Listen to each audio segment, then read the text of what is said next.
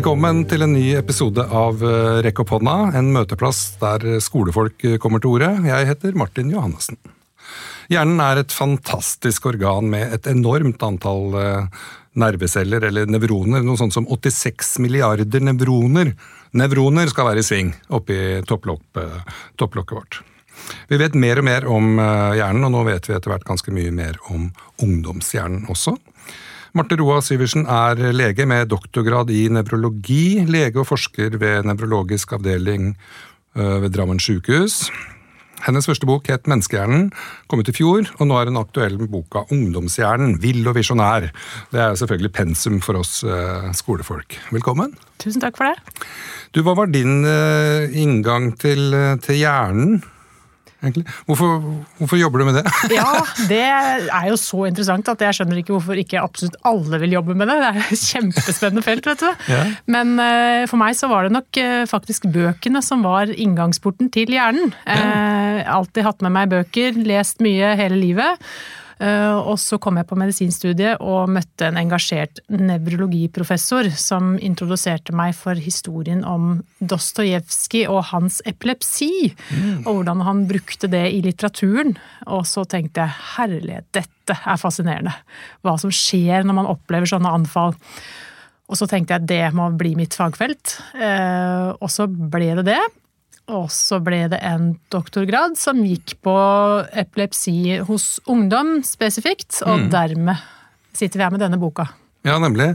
Men det er jo så interessant, for det er jo ikke så mange som har uh, epilepsi. Uh, men det er jo ganske skal si, en stor ting å ha. Ja. Så det påvirker jo veldig mye. Det gjør det. Det påvirker veldig mye. Ja.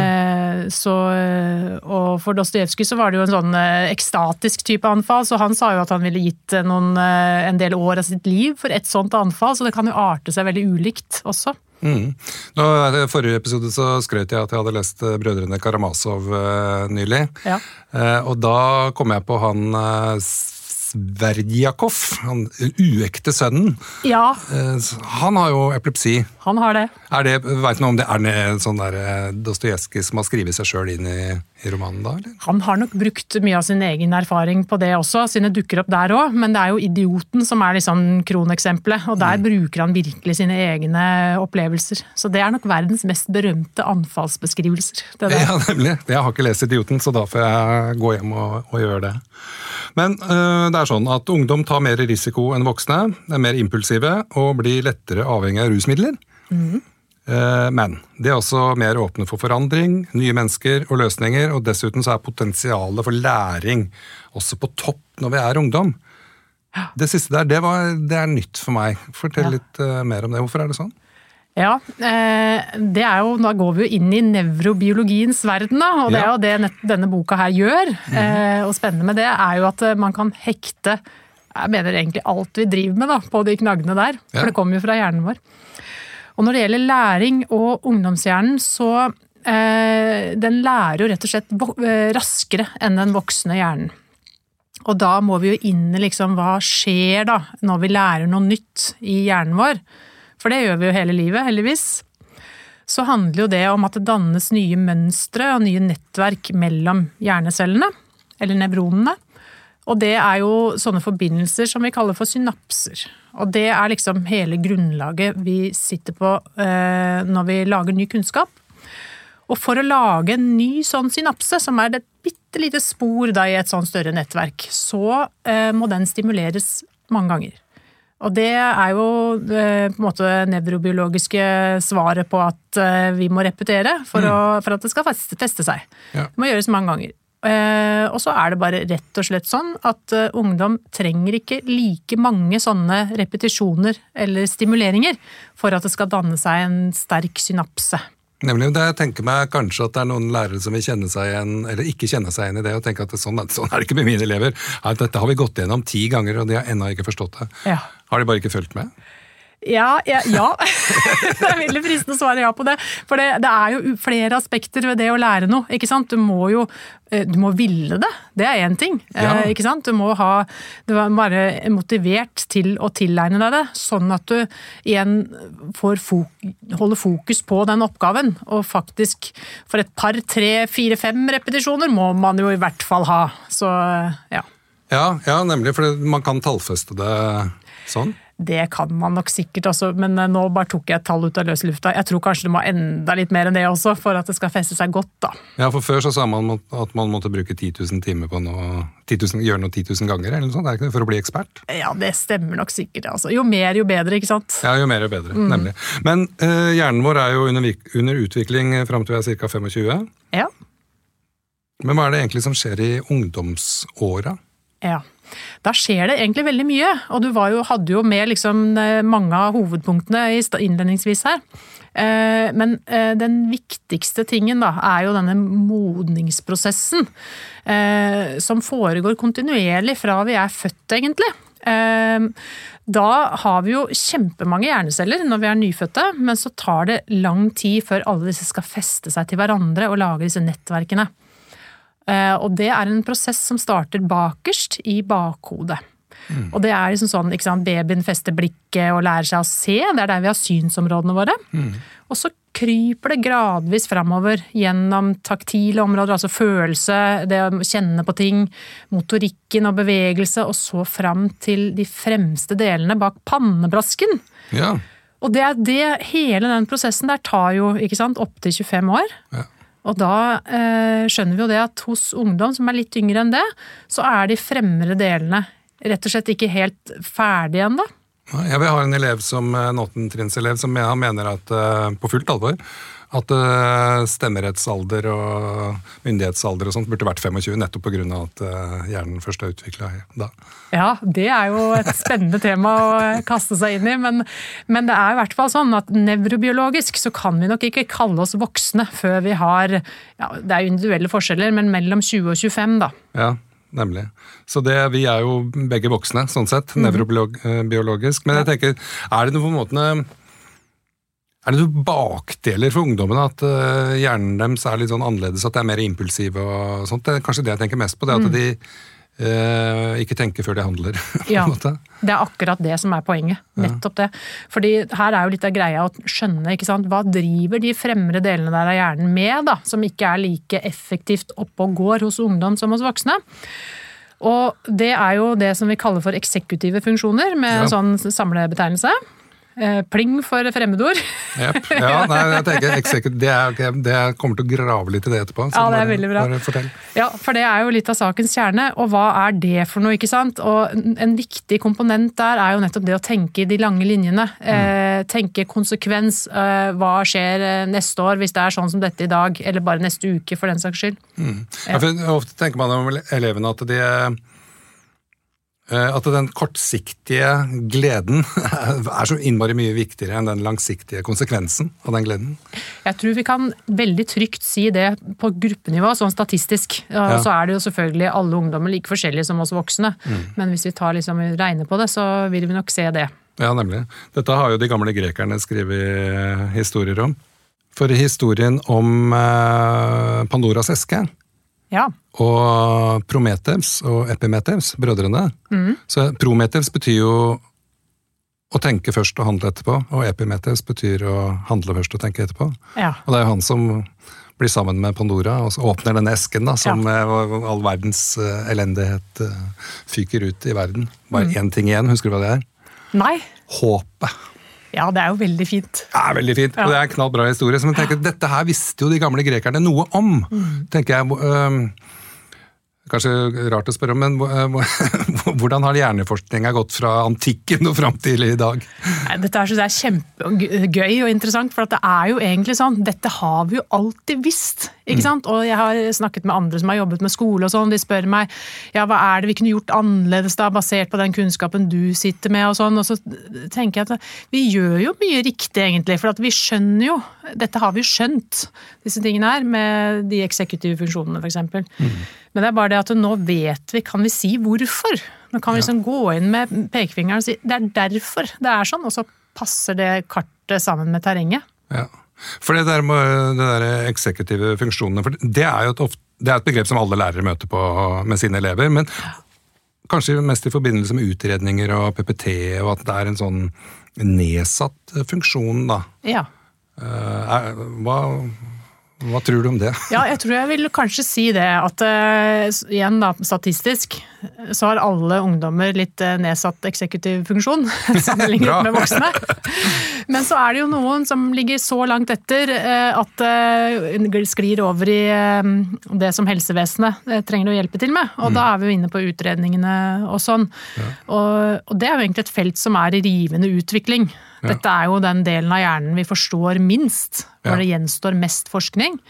Så det er grunn til litt optimisme også, for det går jo framover, det jobbes.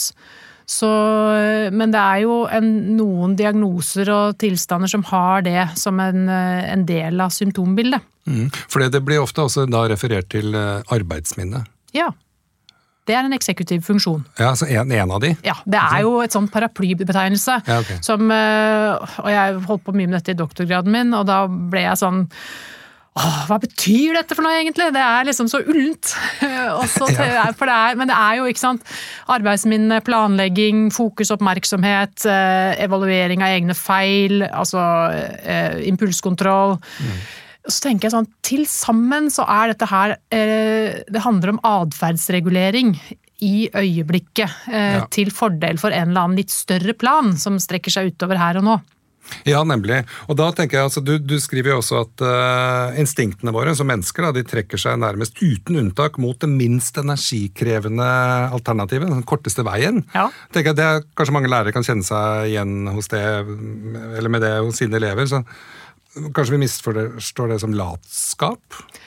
Ja, det, vi kaller jo gjerne det for latskap, men vi, vi, er jo innstilt sånn, og det er vel, da snakker vi jo genetikk og liksom det grunnleggende oppskriften på mennesket og menneskehjernen.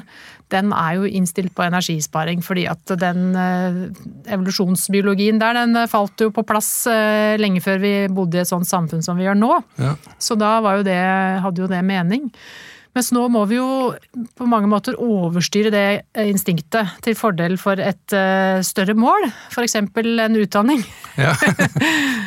Eller eh, trening, for den saks skyld. Altså, ja. ja. Men har du, har du, gått inn på, uh, på liksom sett helt sånn dette er typisk for 13-åringen, dette for 14-åringen, dette for 15-åringen? Ikke så spesifikt som det, men det tror jeg nok man kan finne litt svar på hvis man går veldig dypt inn i forskningen. Ja. Men fellesnevneren er jo at dette er en sånn gradvis prosess. Sånn at eh, 16-åringen vil alltid ha kommet lenger enn 13-åringen. Eh, mm. At det, det, går, blir gradvis bedre og bedre. Ja, for det, mitt inntrykk er at niendeklassinger kan ha en tendens til å være litt sånn lost. Ja. Mens det er mye mer skjerpa i tiende klasse. Ja, ikke sant? Det, og det Jeg tenker jo kanskje at ja, men det er fordi nå er tiende klasse, det er siste året, det er eksamen og det er alle de tinga der som du må liksom det er nå du har sjansen til å levere varene. Mm. Men kan det ha noen sånn rein sånn nevrobiologisk eh, årsak òg? Eh, ja, det tror jeg i høyeste grad. Og så tror, tror, jeg nok det der med motivasjonen å kicke litt inn, som vi var mm. inne på i stad, at det er en faktor på det siste trinnet òg. Men definitivt at bare hjernen har kommet litt lenger, da. Ja, nemlig. Men vi snakker jo også om den hormonelle tenåringen. Ja. Det er liksom egentlig det man snakker mest om. Man snakker mm. liksom ikke om den nevrobiologiske tenåringen i utvikling. Vi sier at ungdommen er stengt pga. ombygging, og det er pubertet, mm. og det er kjønnshormoner. Det er så mye ting som spiller inn her. Men liksom er, det, er det noen sånne rene sånn gutte- og jenteforskjeller? Ja, det er jo faktisk det. Ja og nei, ikke sant. Hvis man eh, går inn i det og ser på liksom sånn forskjellen på eh, kvinnehjernen og mannshjernen og sånn, og så er det ganske sånn entydig i forskningen på at det egentlig ikke er så store forskjeller der. Verken når det gjelder funksjon eller struktur. Nei. Eh, og det er jo mange som mener at dette er et eh, spekter, ikke sant, og at, et spektrum, og at vi, den der veldig grove inndelingen i kjønn kanskje ikke er helt naturlig, men det er jo en helt annen diskusjon. Mm. Eh, men det, sånn igjen, da, statistisk sett, så vet vi jo det at uh, puberteten starter litt tidligere hos jentene. Mm. Uh, det er jo en kjensgjerning. Uh, og det gjenspeiler seg i hjerneutviklingen. Så den modningsprosessen av pannelappens eksekutive funksjoner, den er, ligger ett til to år foran hos jentene. Mm. I starten, i hvert fall. Ja. Og så er det også sånn at kjønnshormonene har litt ulik virkning på oss. Mm. At testosteron har, en, eh, har, litt andre effekter enn østrogen på mm. hvordan hjernen arbeider. Ja, nemlig. Men øh, øh, du skriver også noe om i boka om eh, som er liksom, jeg, Hvis jeg hadde hatt på meg sånn uh, leks, nei til lekser-briller, så hadde jeg lest det her som et sånt supert argument for nei til lekser, hvor du skriver at å jobbe med skolearbeid i time etter time hver kveld, hver eneste kveld, kan gi gode resultater på prøver og innleveringer, men et større perspektiv kan også påvirke både fysisk og psykisk helse negativt. Fortell litt mer om det. Ja, det er jo, det er jo den reguleringa og planlegginga igjen. Å stoppe på det som er godt nok, kanskje. Mm. Eh, for det er jo den flinkis-gjengen, ikke sant. Som eh, kanskje jobber så mye at de til og med blir syke av det i noen tilfeller.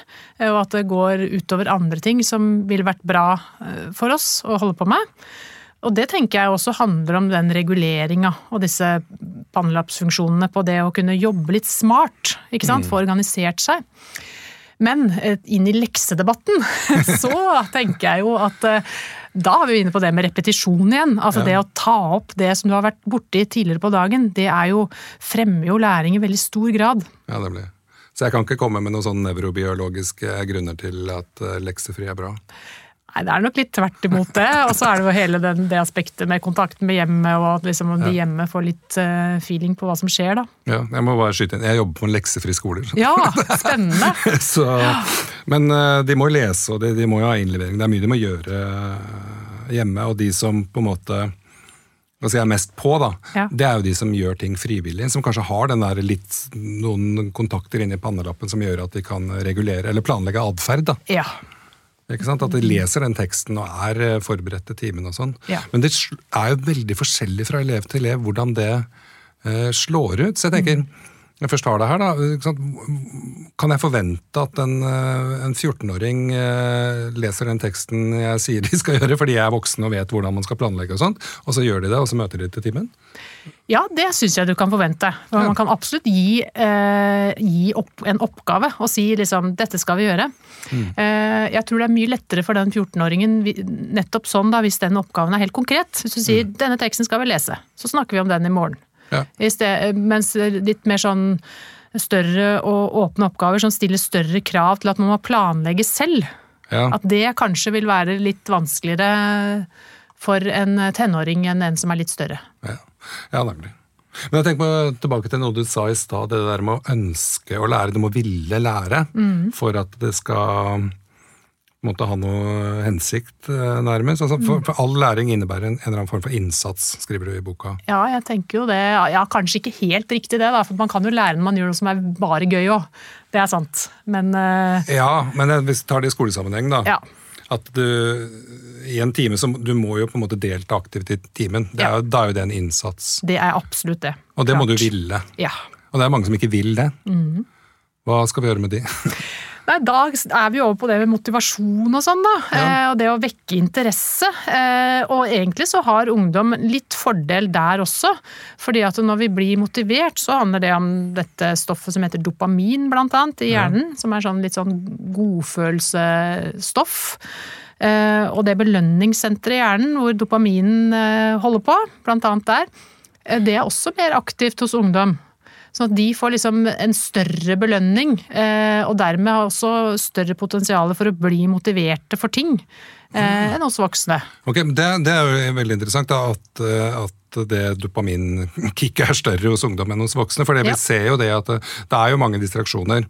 Mm. Bare jeg har opp en PC-skjerm, så har jeg jo mange faner oppe, som ja. er kanskje er mer interessante enn akkurat den jeg holder på med i timen. Ja. Du har en telefon i lomma som kommer, vibrerer litt, kanskje. Veit at det har kommet en, eh, en beskjed. Ja.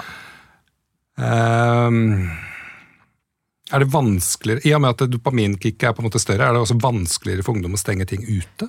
Det er mye vanskeligere, fordi at akkurat dette her er også en eksekutiv funksjon. Det Ja. der med, da er vi inne på det med fokus, ikke sant? og det å holde blikket på veien. Eh, og hos små barn, som er enda kortere på den utviklingsprosessen, så er jo det virkelig elendig. Altså, Småbarn er jo ekstremt avledbare. Ja. De hopper jo fra det ene til det andre hele tiden, og det er helt umulig å holde tråden i en plan, f.eks. legging. ja, det har jeg vært med på. Ja, eh, så, så men ungdom er fremdeles ikke helt i mål når det gjelder det. Eh, Og veldig mange av de digitale distraksjonene de er jo i tillegg, eh, har jo i tillegg en eller annen sosial komponent. Og det er jo en stor faktor i den fasen. Og det, mange av de er jo også designa for å gi sånne dopaminutslipp. I største grad. Vi blir jo hekta på det, vi voksne òg. Ja. Med røde pling-pling og 'nå har noen tenkt på meg', 'nå har noen likt meg'. Ja. Og det er, ja, men jeg tenker den der kampen om oppmerksomheten, da, som, Ja. man, som er som har blitt mye mer tilspissa de siste Ja, etter at Facebook kom, da, sosiale medier kom. Mm. Det er som et skille der, før og etter. Veldig stort skille. Ja, så jeg tenker, jeg er jo veldig glad i, i det, liksom, men jeg, sånn i skolesammenheng så jeg tenker jeg, faen, det er så vanskelig det må være å være ungdom nå. Og forholde seg til alt dette her. Da er jo, kjenner jeg at jeg blir sånn gammeldags. For Ja. jeg hadde jo ikke PC i auditoriet når jeg studerte. Da hadde vi eh, blokk og blyant. Eh, Men så var jeg jo på en del kurser på eh, doktorgradsarbeidet. Og da satt jo hele auditoriet med hver sin PC nedover. Mm. Og jeg blir jo sittende og se på det. De skjermene, alle de skjermene. Og alle driver med forskjellige ting. Spi- Bestiller billetter, leser avisa. Og så tenker jeg, de kan jo umulig få med seg alt det som skjer der framme da. Nei, det er sånn typisk eh, som jeg har sett på noen konferanser og sånt. Så Mhm. er det, pleier konferanseholderen eh, som skal snakke om sånne ting, da, Ja. tar alltid bilde av salen bakfra Ja. først, og så viser han det på skjermen. ja, det er glimrende. så ser de Det hva det er. Det er mye togbilletter og flybilletter og feriereiser og sosiale medier og sånn. Ja. Men eh, altså, vi lærere må, vi må jo da åpenbart eh, komme med faste rammer og struktur for gjennomføring av eh, undervisning og skoleoppgaver. Ja. Men hvordan tenker du elevene kunne vært involvert i det?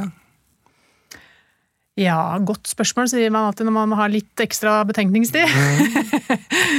eh, og det er jo altså eh, God dialog hele veien er jo bestandig viktig, det. Eh, Men det kan jo hende at det går an å lage litt planer i fellesskap. Eh, nå har jeg jo sagt at det med å lage planer og se for seg de store perspektivene er vanskelig i utgangspunktet. Men det er også noe man kan jobbe med og lære, tenker jeg. Så hvis eh, å få lov å være med litt på å legge en plan sammen med noen som guider deg litt i det, er kanskje en god tanke. Altså lære, lære de opp i en struktur som de kan lære seg å bruke, Ja. for så å kunne være med og påvirke den etterpå. Ja. Ja. ja, for jeg tenker at Elevmedvirkning er jo et sånt stort ord i, i skolen nå. De, Ja. Elevene skal være med på, på alt mulig, egentlig. Mm. Fra planlegging til gjennomføring til evaluering og sånt av et prosjekt. er det en oppgave. Så, Mm. Men det, samt, samtidig, det er liksom en litt sånn konflikt der, da. Hvis Ja. man tenker at de sånn nevrobiologisk egentlig ikke er i stand til det på samme måte som meg som voksen, ja. så er det kanskje litt dårlig gjort noen ganger òg, da. Jeg er helt enig. Ja. Det, er, eh, det er, eh, ikke sant? Man kan tenke litt på dette her sånn som at eh, jeg hjelper tre, en treåring med å knyte skolissene, ikke sant? for det klarer ikke hun selv. Uh, og de pannelappsfunksjonene, det er jo liksom Det er jo lederen, da, i hjernen vår. Uh, sånn at det må ha jeg tenker ofte på at det, liksom, det med å ha en ekstern leder, da, når man ikke har det som helt oppe å gå selv, at man har i hvert fall en som står ved roret og viser litt vei. Ja. ja, det er jo alltid viktig, egentlig. Mm, sikkert for voksne og ja, ja, altså vi voksne, jeg trenger også en sjef som kan eh, guide meg litt, eh, så Ja. jeg ikke eh, går meg vill. Men du, vi, eh, vi begynner å nærme oss slutten, men jeg har, eh, har et spørsmål eh, til som vi kan drodle litt rundt. Og det er altså, hvordan tror du ny hjerneforskning kommer til å påvirke framtidas skole og utdanning? Å, det er kjempespennende. Eh, Det gjør nok, kan, begynner kanskje å gjøre det allerede. For det mye av de tingene vi snakker om nå er jo ganske ny kunnskap i den store sammenhengen. Eh, Og hvordan vi organiserer skolen vår, det er i hvert fall mye eldre, sånn grovt sett, da, enn den kunnskapen her. Så eh, jeg tror nok kanskje innsikten i disse pannelappsfunksjonene blir enda bedre. kanskje særlig for de som sliter litt med det. At vi begynner å forstå det eh, enda bedre biologisk, så at vi kan gi dem bedre hjelp enn det vi får til nå. Mm. Eh, og så er det liksom et spørsmål om skal man gjøre noe med oppstartstiden. Vi har jo ikke snakket så mye om søvn, men det, Nei, det er jo, jo en helt egen episode, føler jeg. Ja, så, så det er jo ting som kan gjøres, da. Men så, så, skal det jo passe med et samfunn og alle andre som forholder seg til skolehverdagen også. Mm. Så det er mye som er lettere sagt enn gjort. Men i hvert fall innsikten i pannelappen og eksekutive funksjoner, der er vi nok fremdeles litt i startgropa. Mm. Jeg hørte en, en, kollega som en gang sa, jeg husker ikke hva jeg hadde spurt han om, men uh, i forbindelse med en foreldresamtale jeg skulle ha, så jeg liksom drøfta det litt med han. Og så, ja, men Hvis du bare kan henvise til hjerneforskning, da er du på trygg grunn. ja, det er trumfer alt. Liksom. ja, det er liksom, ja, men I hjernen så er det, sånn, det er så veldig, ja. på en måte nesten litt sånn uh, uh, Veldig objektivt, da. Ja, det er det. Det er derfor det er så gøy å jobbe med. fordi mm. du, du, ser objektive, de objektive funnene, og så ser du det passer jo på livet selv, ikke sant? Ja. Alle ja. har jo en hjerne. Ja. yes, men um, tusen takk til deg, Marte Roa Syversen, for å gjøre komplekse saker forståelige for oss skolefolk. Har ikke, jeg har jo ikke tid til å lese sånn og studere og ta en doktorgrad i, i hjernen, men jeg har, jeg har tid til å lese boka Ungdomshjernen. Så bra. Ja, og det anbefaler eh, andre folk eh, å gjøre det også. God bok, lett å lese, mye å lære. Takk for at du hørte på Rekk opp hånda. Husk å lese bøker og følge med på ting. Selv om hjernen din er ferdig utvikla, er det ikke noe grunn til å ikke lære seg noe nytt. Vi høres.